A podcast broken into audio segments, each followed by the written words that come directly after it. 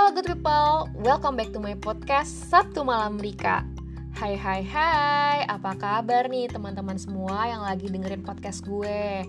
Semoga kalian selalu diberikan kesehatan, keselamatan, dan kebahagiaan. Amin. By the way, ini adalah podcast perdana gue di tahun 2021 Setelah beberapa bulan gue sempat vakum dari dunia perpodcastan Kira-kira ada yang kangen gak sih sama suara dan podcast gue? Gue pribadi sih kangen ya nge-record dan bikin skrip ini gitu. Tapi berhubung skrip yang bakalan gue bacain ini adalah hal yang pernah gue up di instastory gue dan gue udah punya bahannya jadi ya udah deh gue coba bikin podcast aja mana tahu ada nih yang belum pernah baca topik yang pernah gue angkat ini. Nah, sebelum itu gue mau ngucapin selamat dan terima kasih buat teman-teman semua yang sudah bertahan sampai hari ini. Kalian hebat, kalian luar biasa dan kalian kuat. Karena kalian sudah mampu melewati lika-liku perjalanan di tahun 2020 yang mungkin bagi kebanyakan orang adalah tahun yang cukup berat tapi kalian mampu dan kalian tidak menyerah dan kalian bisa sampai ke detik ini. Good job. By the way, kali ini gue bakal ngebahas soal apps, bukan soal, kan bukan UAS. Kali ini gue bakalan bahas tentang punya target atau tujuan itu penting gak sih? Nah, buat lo semua yang penasaran sama pembahasan gue malam ini, stay tune ya.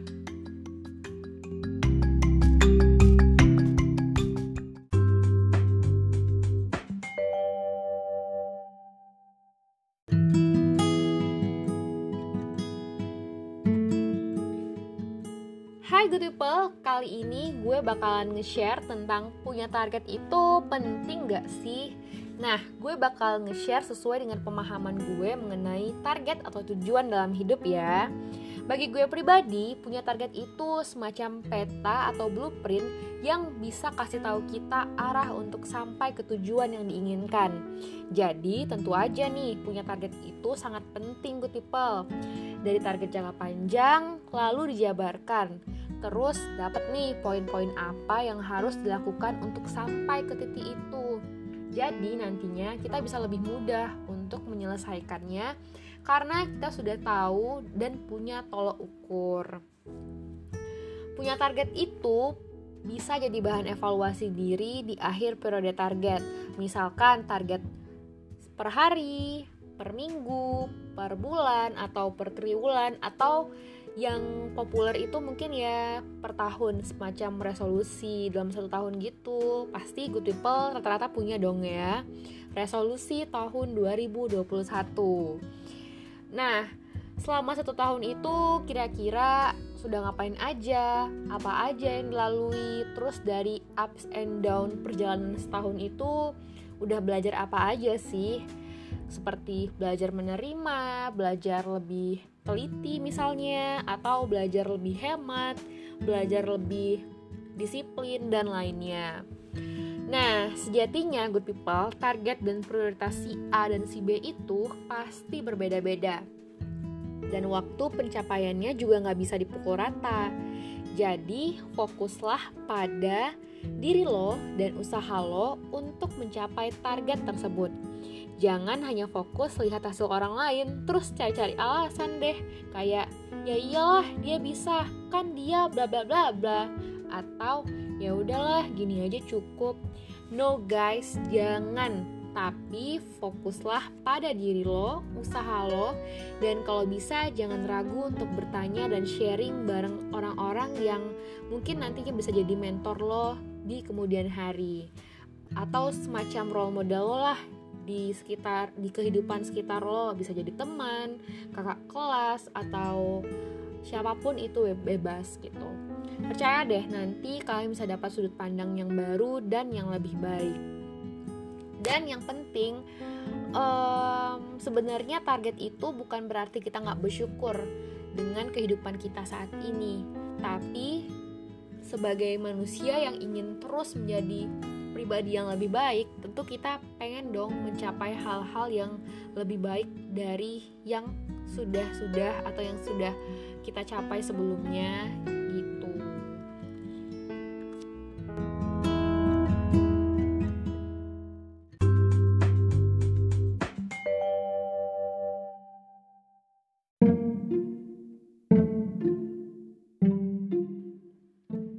tahun 2018, gue pernah mengikuti kegiatan leadership development yang diadakan Jarum Foundation.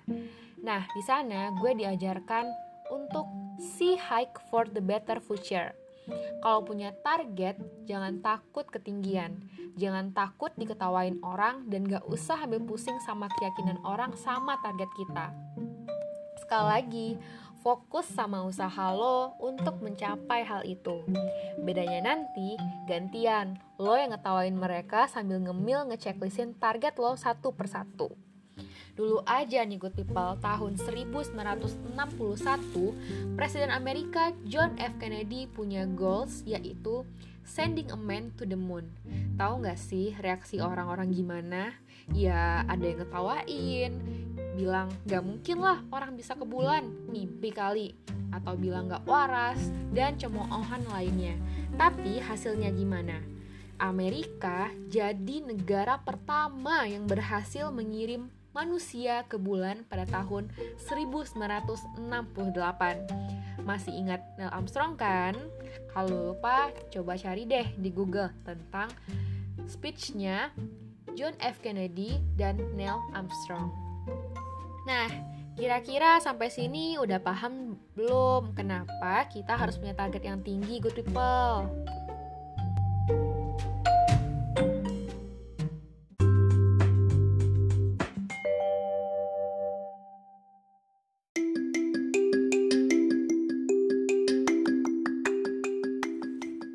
Di segmen sebelumnya, gue udah ngebahas tentang see hike for the better future dengan Contoh John F. Kennedy dengan targetnya untuk mengirimkan manusia ke bulan.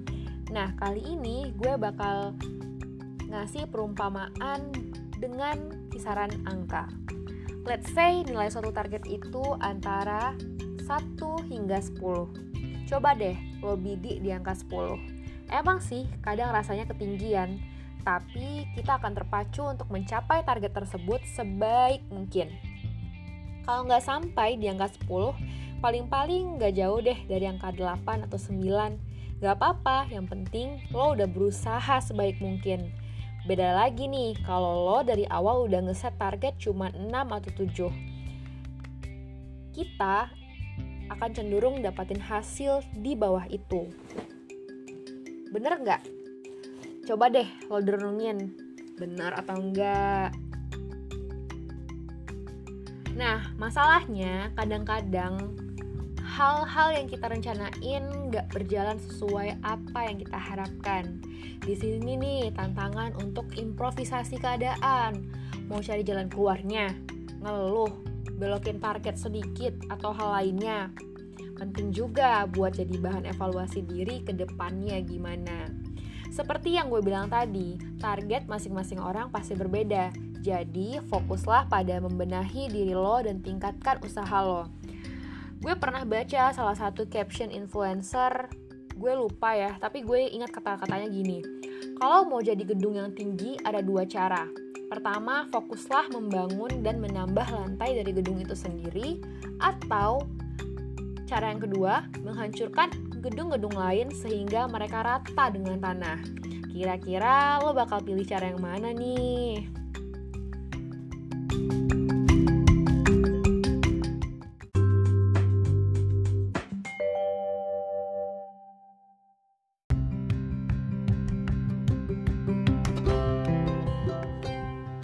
Terus gimana sih Rik cara menentukan target dan memanage target tersebut agar kita tidak lulus di tengah jalan?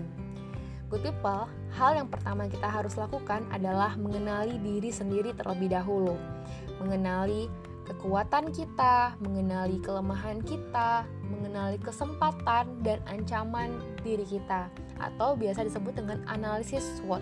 Coba deh teman-teman kalau belum tahu search dulu analisis SWOT itu apa. Kalau udah tahu mungkin bisa langsung tuliskan di kertas analisis SWOT diri teman-teman semua. Setelah uh, lo tahu nih analisis SWOT diri lo, mungkin lalu hubungkan antara uh, strength, weakness, opportunity, dan threat tersebut. Lalu tuliskan poin-poin atau target-target tersebut dan tempel di kamar atau di foto dijadiin uh, wallpaper HP atau uh, di sih yang lo bisa lihat target lo dan menjadi motivasi buat lo kemudian hari nanti gitu. Selanjutnya itu adalah bikin jurnal pribadi. Catat apa aja yang mau dilakukan. Misal hari ini apa aja nih yang harus dilakukan atau dalam minggu ini apa aja nih yang harus dilakukan. Kalau misalkan lo punya target pengen uh, namatin buku uh, satu buku seminggu. Mungkin lo bisa mulai dari misalkan 10 halaman sehari atau 20 halaman per, per hari target lo hari itu atau to do list lo hari itu gitu. Sehingga nanti dari target lo akan menghasilkan poin-poin atau um, jangka pendek apa target jangka pendek yang harus lo kerjakan segera mungkin yang akan menjurus ke target jangka panjang lo gitu. Selanjutnya dia yaitu adalah baca buku. Follow hal-hal yang membawa manfaat ke diri lo. Lakukan sharing session dengan keluarga sahabat atau orang-orang yang lo rasa mampu untuk memperluas sudut pandang lo. Lalu jangan malu buat bertanya, lakukan evaluasi dan bersyukur. Dan yang paling penting, action. Untuk uh, pembahasan pembuatan target yang lebih details lagi, yang menggunakan uh, metode SMART, mungkin akan gue up episode selanjutnya karena itu cukup panjang gitu. Jadi kali ini gue pengen lo tahu dulu nih betapa pentingnya lo untuk memiliki target di masa depan.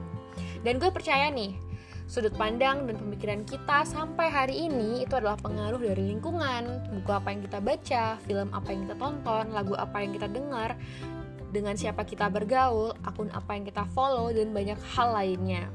Kalau udah tahu begini, pilihannya tentu ada di diri lo kan?